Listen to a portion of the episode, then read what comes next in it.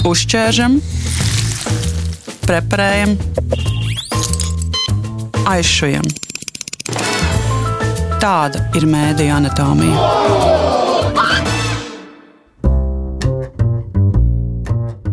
Divus gadus par notikumiem Ukrajinā Latvijas radio ēterā ziņo Indra Sprānce.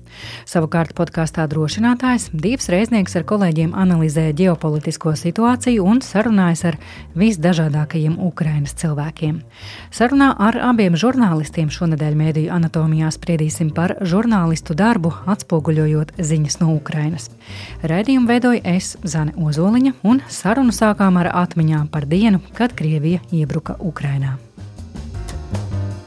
ļoti labi atceros. Atceros mūsu redakcijas sapulci toreiz atvērtajiem failiem.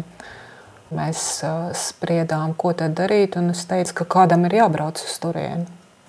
Un aizrunājāmies tik tālu, ka braucu es. Nākamajā vai aiznākamajā dienā uzreiz. Tā īsti nebija gatava. Un 27. februārī es arī iebraucu Ukrajinā. Vai tu atminies to pirmo uh, reportāžu vai telefonu sarunu, Jā, es eh, ļoti labi atceros. Es atceros visas intervijas, es atceros um, tās sajūtas, ka tu pat nevarēji telefonu izvilkt uz ielas ārā, jo tā spriedze bija ļoti liela. Un uh, atceros visus raudošos cilvēkus, jo visi, kurus tu intervēji, vienā brīdī sāk raudāt, vienalga sieviete vai vīrietis. Atceros to ļoti neumolīgo um, sajūtu Novgorodā pagrabā, viesnīcas pagrabā, kur sēdējām kopā ar poļu žurnālistiem un, un dažiem no viesnīcas um, cilvēkiem, kas bija no Kīivas izbraukuši, paspējuši. Tieši to brīdi um, bija bažas uh, par to, kāda situācija varētu notikt atomelektrostacijā. Es atceros to Zelenska uzrunu un to ļoti lielo nedrošību. Atceros arī uh, Ukrāņu vienotību. Atceros interviju ar manuprāt, operas dziedātāju, kas uh, gatavoja karavīriem ēdienu patvērtnē, uh, slepenā, kur bija viss, kur bija siltums, gultas, uh, saliktas, sanest ēdieni. Un, un, Tie cilvēki, kas bija nolēmuši palikt un cīnīties, um, tajā skaitā sievietes, visi kaut ko darīja. Un, un gatavojās tam, ka varētu būt šis iebrukums. Atceros, kā, kā viņi gatavoja tos molotovu kokteļus, kā rādīja man nu, visdažādākās dzērienu pudeles ar, ar tiem aizbāztajiem korķiem. Tādas ļoti spilgtas atmiņas. Kā tev divi? Tu šobrīd ziņo savukārt no attāluma, veido drošinātāju kopā ar kolēģiem. Vai tu atceries žurnālista sajūtas, kad sākās pilna mēroga karš? Tāpēc es tagad intereses pēc uh, paskatos savā Twitterī, ko es esmu tur rakstījis. Bet jā, es skatos 23. februārī. Timelines mans pilns ir. Tobrīd es nebiju pie viena mēdīja piesaistīts tieši kā ziņotājs par Ukrajinu vai par Krieviju vai jau kā tam līdzīgi. Es esmu brīvmākslinieks šobrīd, jā. bet man šī personīgā interese ir. Es, protams, vienkārši savā Twitter uh, privātajā kontā uh, dalījos ar ziņām, dalījos ar iespaidiem un tā tālāk. Protams, ka man viss šīs sajūtas līdzīgas kā visiem pārējiem, ka tev liekas, nu, ka nevar būt, bet nu, tur redzi, ok, ir. Nu, un es vienkārši tobrīd, man liekas, atkal jau ziņoju vienkārši saviem Twitter sekotājiem, manuprāt, svarīgākās lietas. Un uh, savukārt, nē, to laikam es nevaru stāstīt, bet tajā dienā piezvanīja panorāmas producents un prasīja, vai tu gribi par, uzrakstīt ziņas par, nu, ziņas par uh, to, kas notiek Ukrajinā. Tā kā es zinu, ka nu, es neesmu pirmo dienu ar pīpu uz jumta. Es zinu, ka, ja es padošu mazo pirkstiņu, man sagrābs visu roku, un tad man vispār nekam citam vairs laika neatliks.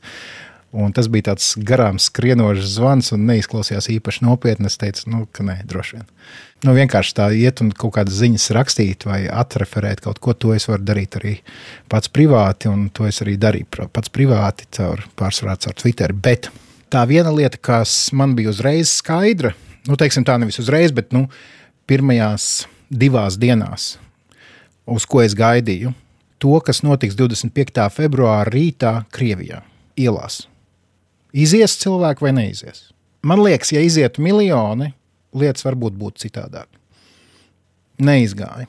Bet drošinātājs notika atkal jau uh, Latvijas radio iniciatīvas rezultātā Anita Brauna man uzrunāja, uzrunāja tālu eipuru, ka mums vajadzētu kaut ko. Bija, protams, bažas, ka vai neizskatīsies dīvaini, ka mēs tur pusgadu pēc kara sākuma tikai tagad kaut ko sākam speciāli taisīt, un tad gal galā domājam, ka labāk darām kaut ko nekā nedaram.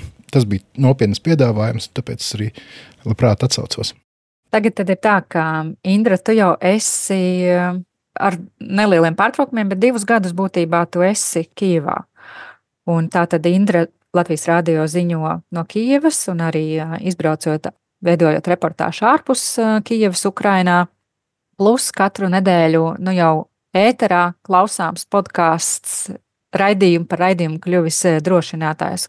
Kā jūs varētu raksturot tās sajūtas, kā attieksme jūsu pašu žurnālistu darbā ir mainījusies pret notiekošo šo divu gadu laikā, kā tās emociju gradācijas ir notikušas un arī profesionālās izmaiņas? Nekad nebiju domājis, ka es būšu žurnālists, kara žurnālists, kara plosītā valstī. Nekad neesmu par to sapņojis, nekad kaut ko tādu gribējis. Tā, tā vienkārši sanāca. Un arī, ja mēs skatāmies kaut kādu pirmo braucienu, pēc tam pēc pāris nedēļām, otrais, tas sākums bija tāds, ka es braucu pa nedēļām, pa divām nedēļām, tad atpakaļ Latvijā un gatavoju sižetus tā apmēram pusgadu līdz 22. gada nogalē, kad es pilnībā pārvācos uz Ukrajinu. Tad es biju tikai atvaļinājumā Latvijā. Pēc atvaļinājuma atgriezos atkal Ukrajinā un šobrīd arī esmu pastāvīgi visu laiku strādājis no šejienes. Droši vien, ka esmu pati mainījusies, jo visu laiku kaut kā man pārliekās tās robežas, ko es varu un ko es nevaru. Jo es atceros, kā pēc pirmajiem, man liekas, diviem braucieniem bija tāda sajūta, ka, nu, nu, ka es neesmu. Es tam neesmu piemērota. Man arī nebija uz to brīdi nekādas apmācības, vispār nekādas. Man tas ir arī pārāk smagi emocionāli un vispārējais, bet um, kaut kā tu katru reizi izēj tam procesam cauri un, un paiet laiciņš, un tu, tu atkal saproti, ka tas ir jādara. Laikam tas būtiskākais, kas man ir bijis, tādā milzīga vilšanās um, starptautisko lietu kārtībā par to, ka starptautiskās lielvaras var nodrošināt um, mieru pasaulē, ka ir spēkā kaut kādas vienošanās. Ja mēs atceramies laikā, kad Ukraina atbruņojās, tad bija šie solījumi par drošību, kas visi izrādās ir izkūpējuši pēc kaut kāda laiciņa. Um, tagad, redzot uz um, nespēju laicīgi un nepieciešamā apjomā Ukrainai piegādāt ieročus, um, nu, ir tie jautājumi par to, cik ļoti mēs varam paļauties uz um, starptautiskiem partneriem, vispār uz, uz kaut kādiem lielvaru solījumiem par drošību, cik tie ir vērti un vai kaut kādā brīdī vienīgais, kas uh, neglābj, ir pašas tautas spēja vienoties bez maz vai nagiem un zobiem aizstāvēt sevi un savu valsti. Neviens jau neticēja, ka viņi noturēsies. Ir jau otrais gads, ir pienācis atklājums man ir šī vilšanās.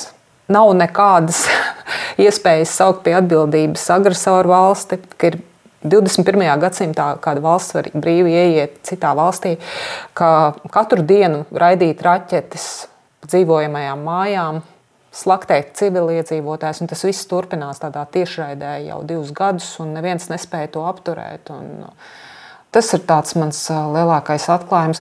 Kā tev, Dīva, Tu cerēji uz tiem miljoniem Krievijā. Ah, jā, uh, principā visam, ko Indra teica, es eh, parakstos apakšā. Arī nu, racionāli nav arī tas, ko mēs redzam šobrīd Amerikā. Kad uh, šīs iekšpolitiskās cīņas ir aizgājušas līdz tādai neloģikai, nu, maticeļš stāvus. Jā, Amerika sagādā ļoti daudz ieročus Ukrainai, proti, bet tiek pasniegts tā, ka mēs uh, sūtām nezinu cik miljardus uz uh, Ukrainu. Ukraina ļoti korumpēta, nezinu, kur pazūd, re, kur vēl vilnas kaut kādas parādās, kas uh, ir pilnīgi faktos nepamatot vēstījumi. Un fakts kā tāds ir, ka tā lielākā, absolūti lielākā naudas daļa, ko Amerika kā, kā tērē Ukrainai, nonāk pašā Amerikā. Nonāk Amerikas vidienē, kur ir šīs ieroču ražotnes un tā tālāk un tā joprojām. Tas pats ir par ar uh, kaut kādām kaujas tehnikām, kas citādi tiktu norakstītas. Tā te nav tēriņi. Viņi vienkārši viņiem nav jātērē nauda, lai iznīcinātu. Viņi vienkārši var aizsūtīt uz Ukrajinu. Ja mē, nu mēs zinām, ja būtu apņemšanās rietumu pasaulē pabeigt karu, viņi varētu to izdarīt divu dienu laikā. Attiecīgi, aizsūtot lidmašīnas, kur vajag, raķetes, kur vajag, un tā tālāk. Protams, ka ir šie kodola draudi un tam līdzīgi, bet mēs arī esam redzējuši Krieviju. Viņas, viņi draud, draud, draud, draud, draud, draud, un tās sarkanās līnijas visu laiku ir, ir, ir, ir, ir bet ja viņi tiek pārkāpts, nekad tas nekas ne, tam neseko. Šis ir tas, ka, zini, kā ir, ja tu, ja tu mēģini visam, kas notiek, pieiet ļoti racionāli un saprast un mēģināt izsvērt, nu, tu sajūti prātā. Līdz ar to es varbūt sevi neapgrūtinu ar šo sevi katru dienu, Jo tad tiešām nu, tev liekas, nu, ko mēs te vispār darām, kāda dzīvē ir jēga un šaujamies nost. Nu. Mēs te eh, pirms pāris nedēļām šajā redzējumā runājām ar um, Reuters pētnieku, kurš saka, ka nogurums no Ukrainas ziņām ir īpaši vērojams, jo tuvāk Ukrainai, jo lielāks nogurums. Tajā pašā laikā ir cits Eirobarometru pētījums, kas saka, ka Latvijas iedzīvotāji eh, visvairāk viņiem interesē tieši ziņas par Ukrainu, par karu. Bet kā jūs jūtat, vai pirmkārt jums pašiem iestājas nogurums no ziņām par Ukrainu, un otrkārt, kā jūs sajūtat to patērētāju, klausītāju, kam jums nododat vēstījumu vai redakciju sapulču noskaņojumu, vai jūs savā darbā jūtat nogurumu no ziņām par Ukrainu? Pag pirms Indra atbildēs, es teikšu, Indra, tas jau nav ziņas par eh, notikumiem Ukrajinā. Tā ir tava dzīve šobrīd, vai ne? Tieši tā, es ar to arī gribēju sākt, ka es esmu iekšā Šodien arī no rīta bija uzbrukums neliels. Nu, es, es dzirdēju to blīkšķi man aiz loga. Nu, respektīvi, es esmu tas, tajā vidē, un tas ir daudz savādāk. Tad, kad tu esi te iekšā, nevis ka tu no Latvijas ziņo par to. Par to nogurumu te ir tā ļoti divējādi, jo Taisnība ir, ka daļa Ukraiņas sabiedrības ir pa šiem diviem gadiem ļoti pielāgojušies šiem kara apstākļiem. Daļa no viņiem dzīvo diezgan, var teikt, tālu no kara. Nevis kilometru izteiksmē, bet ar tādu sajūtu, ka viņus tas ļoti maz skar.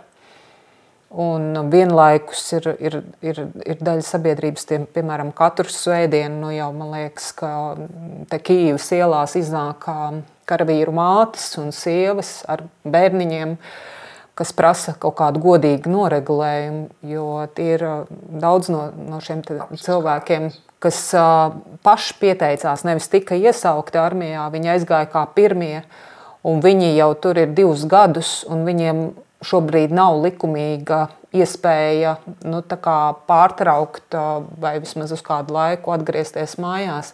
Viena sabiedrības daļa uz saviem pleciem iznes to karu ikdienu ļoti smagā formā, un ir daļa sabiedrības, kuras es arī redzu, ka patiešām dzīvo nu, tā, kā tas karš nebūtu, vai viņš būtu kaut kur ļoti tālu. Tie uzbrukumi ir nu, tāda pilnīgi normāla parādība gandrīz. Vai, Bet kāda ir tā iekšējā arī radio diskusija? Vai ir mainījies, eh, nu, piemēram, no rīta? Es nezinu, vai tu piedalies ziņu dienas sapulcēs, vai arī tu vienkārši saņem ziņas par to, ka Indra, mēs tev šodien gribam zvanīt, tāpēc ka? Radio ņem pretī un grib visu, ko es varu sagatavot. Tas ir jautājums par manām spējām, cik es fiziski varu izdarīt. Indra, redz, tas, tas, ko mēs runājām, ka tev tās nav ziņas, tā ir tava, nu, tā ir tava dzīve šobrīd. Tu runāji par diviem gadiem frontē, cilvēku, kur iznes šo visu, bet tu jau arī divus gadus esi nosacīti frontē. Tev neprasās rotācija. Kā žurnālistei, tīri kā profesionālai žurnālistei.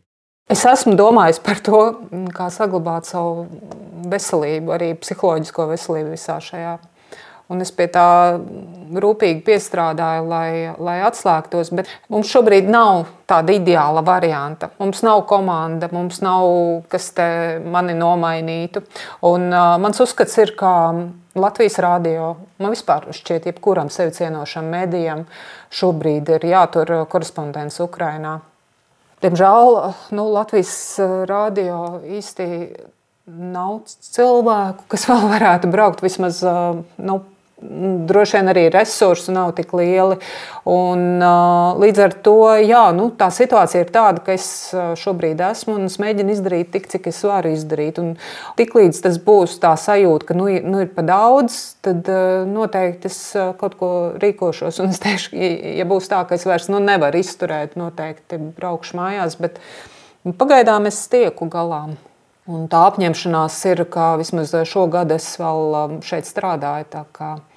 Par tālāko es domāšu, jo tas, protams, nav viegli. Un tad ir tas stāsts arī ļoti līdzībās, kā es no sākuma, kad braucu uz Ukrajinu, nu, pēc liekas, pirmās vai otrās reizes, kad Otrā reizē, kad, bija, kad es tiku iekšā Bučā, Irpiņā, Baradjānkā, tās bija pirmās dienas, kad šīs pilsētiņas tika atvērtas ka tur vēl līķi bija uz ielām.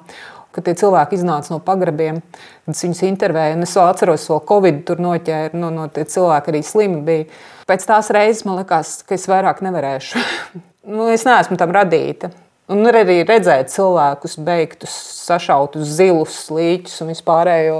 Tas bija Bet eh, kaut kādā brīdī tu aizbrauc mājās, tu uztaisīji tos stāstus, tu izdeji cauri tam visam emocionāli un, un paliek vieglāk. Un tu, tu at, atjaunojies un atkal vari pie tā atgriezties. Un man, manā gadījumā ļoti īpaši, jo es tomēr esmu šeit viens cilvēks, un tas tā nav tipiski eh, žurnālistiem, kas šeit strādā. Viņi brauc ar savu komandu vai uz, uz vietas mēģina nofraktēt. Ja tur ir eh, fikseris, tur ir cilvēks, kas domā par drošību vispārējo. Ja, tad, es tomēr esmu te viena, un, un cik nu var, es mēģinu visu to lauku nosegt, arī domājot par drošības lietām. Bet kaut kur tā sajūta, ka nu, no, no savas raķetes neaizbēgs, nu, tā dod to mieru, mieru sajūtu. Patiešām mazliet viņa ir. Jā. Un līdz ar to jā, es ceru, ka šādā veidā es palīdzu noturēt uzmanību Ukraiņas saturam arī otrajā gadā. Kā tev divi ir? Vai jums kādreiz rodas grūtības vai sazvanīt kādu nākamajam drošinātājam. Tas, ka mēs ar Indru esam vienā podkāstā, tas vien jau man šķiet eh, negodīgi pret Indru, tāpēc ka es galīgi nejūtos tā, ka mēs būtu vienā laivā. No tāda aspekta, no tā ieguldītā darba, vai bīstamības, vai tam līdzīgi. Tāpēc uh, skaidrs, ka Latvijas radio un sabiedriskajiem mēdījiem kā tādiem ir jābūt uh, Kīvā vai Ukrainā pārstāvētiem pastāvīgi ar saviem cilvēkiem. Nenoliedzami tur ir jābūt klāt mūsu žurnālistiem, kas var uh, izprast mūsu intereses, kontekstus un tam līdzīgi. Tas, ka tur ir viena pati Indra un neviens cits neraujas viņas vietā, tas ir nedaudz noziedzīgi uzkraut uz viena cilvēka pleciem šādu atbildību. Un, Es ceru, ka Indra ir lab, vislabāk apmaksātais Latvijas žurnālists. Neielīdīsim detaļās, bet tā ir, tā ir mana cerība. Ja tā nav, tad ir pilnīgi skaidrs, kāpēc. Varbūt nestāv rinda citu cilvēku, kas gribētu ieņemt Indras vietu. Bet, ja atbild uz tavu jautājumu par šīm idejām, kur smelties stāstus. No vienas puses tās nāk pašas par sevi, mēs skatāmies, kas ir šobrīd aktuāls. Drošinātājā vispār sākumā mums bija skaidrs, ka kaut kas ir vajadzīgs katru nedēļu.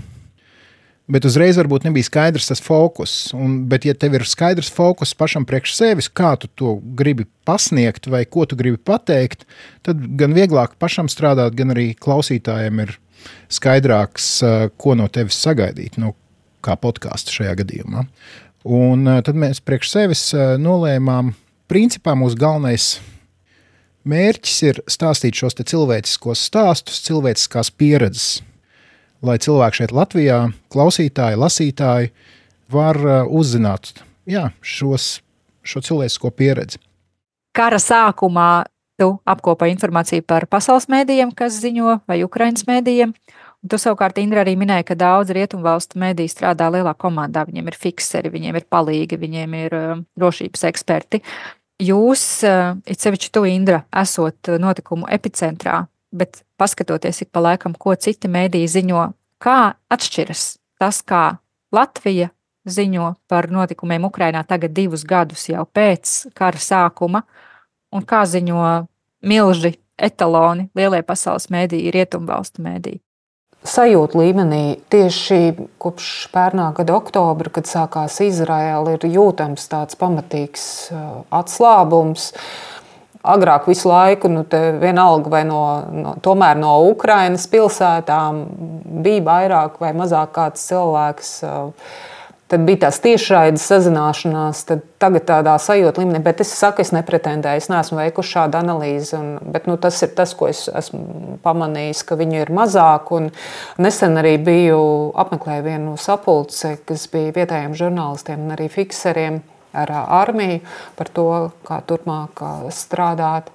Tad tur arī izskanēja tādi um, komentāri, ka varbūt arī tas, cik ļoti kādas ir drošības prasības uh, šeit, Ukrainā uz vietas, ka tas arī ir ārvalstu mēdīs drusku ir nokaitinājuši šīs pašas komandas, kas dodas un nevar sasniegt savu mērķi, jo tur nav attiecīgā zīmoga vai tur nu, visādi te iekšēji ir tādi, tādas lietas, ko, ko grūti, grūti iedomāties no ārpuses. Kad tas arī varbūt ir kaut kādā veidā veicinājis to, ka viņi ir kā, nu, īpaši pēdējā laikā mazāk šeit un mazāk ziņo.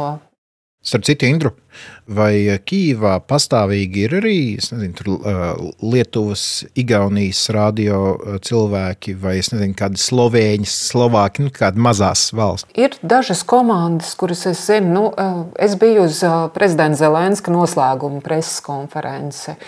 Tur bija starptautiskie mediji, bet es, man nav informācijas, cik viņi ir tādi, kas uz vietas visu laiku sēž. Bija sajūta, ka Te bija vairāk tādu cilvēku, ar kuriem viņi sadarbojas uz vietas, kaut kādi, kas viņiem palīdz šo saturu šeit saražot. Tādas, kuri visu laiku regulāri te ir uz vietas, es pat ne, ir freelanceri daudz. Kad gāja bojā Latvijas karavīrs un vienlaikus tur bija arī Igauņu kareivis Tad es satiku Delfi, Igaunijas žurnālistu, bet viņš bija atbraucis tieši uz to notikumu šeit, izvadīšanu nu, Kijavā. Jā. Bet tā, ka ir uz vietas.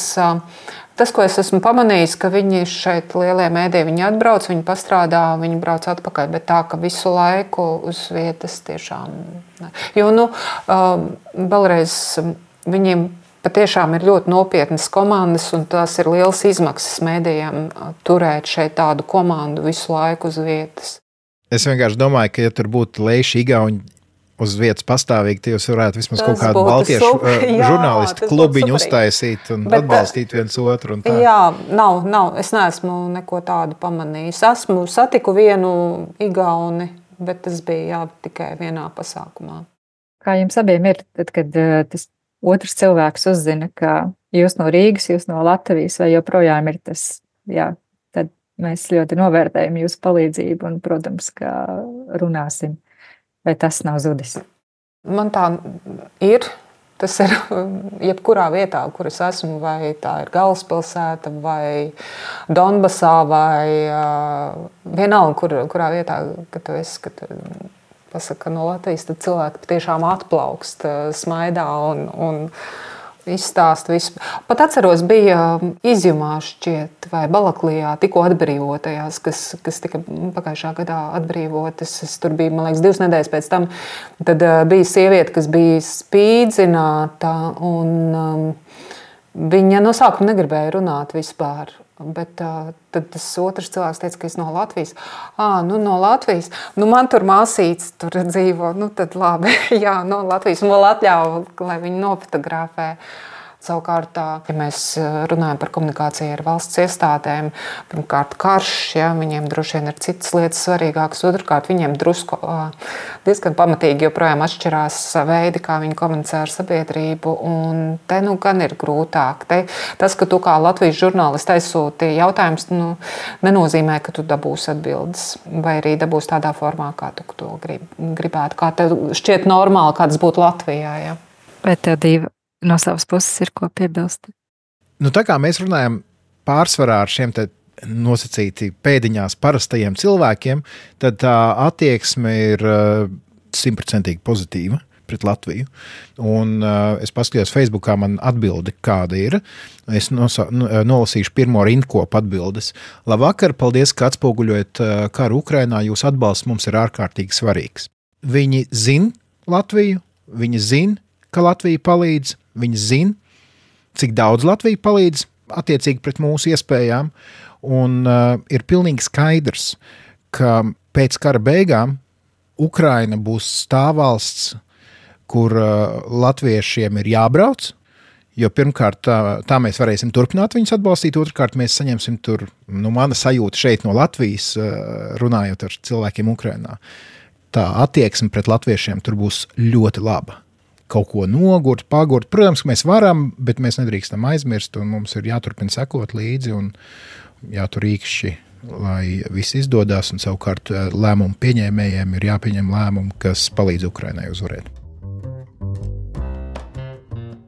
Dzirdējāt sarunu ar Latvijas radio korespondenti Ukrainā Indru Sprānci un raidījuma drošinātājs autoru Dīvu Reiznieku.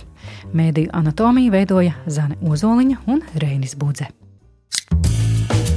Uzķēršam, preparējam, aizšujam. Tāda ir mēdīņa anatomija.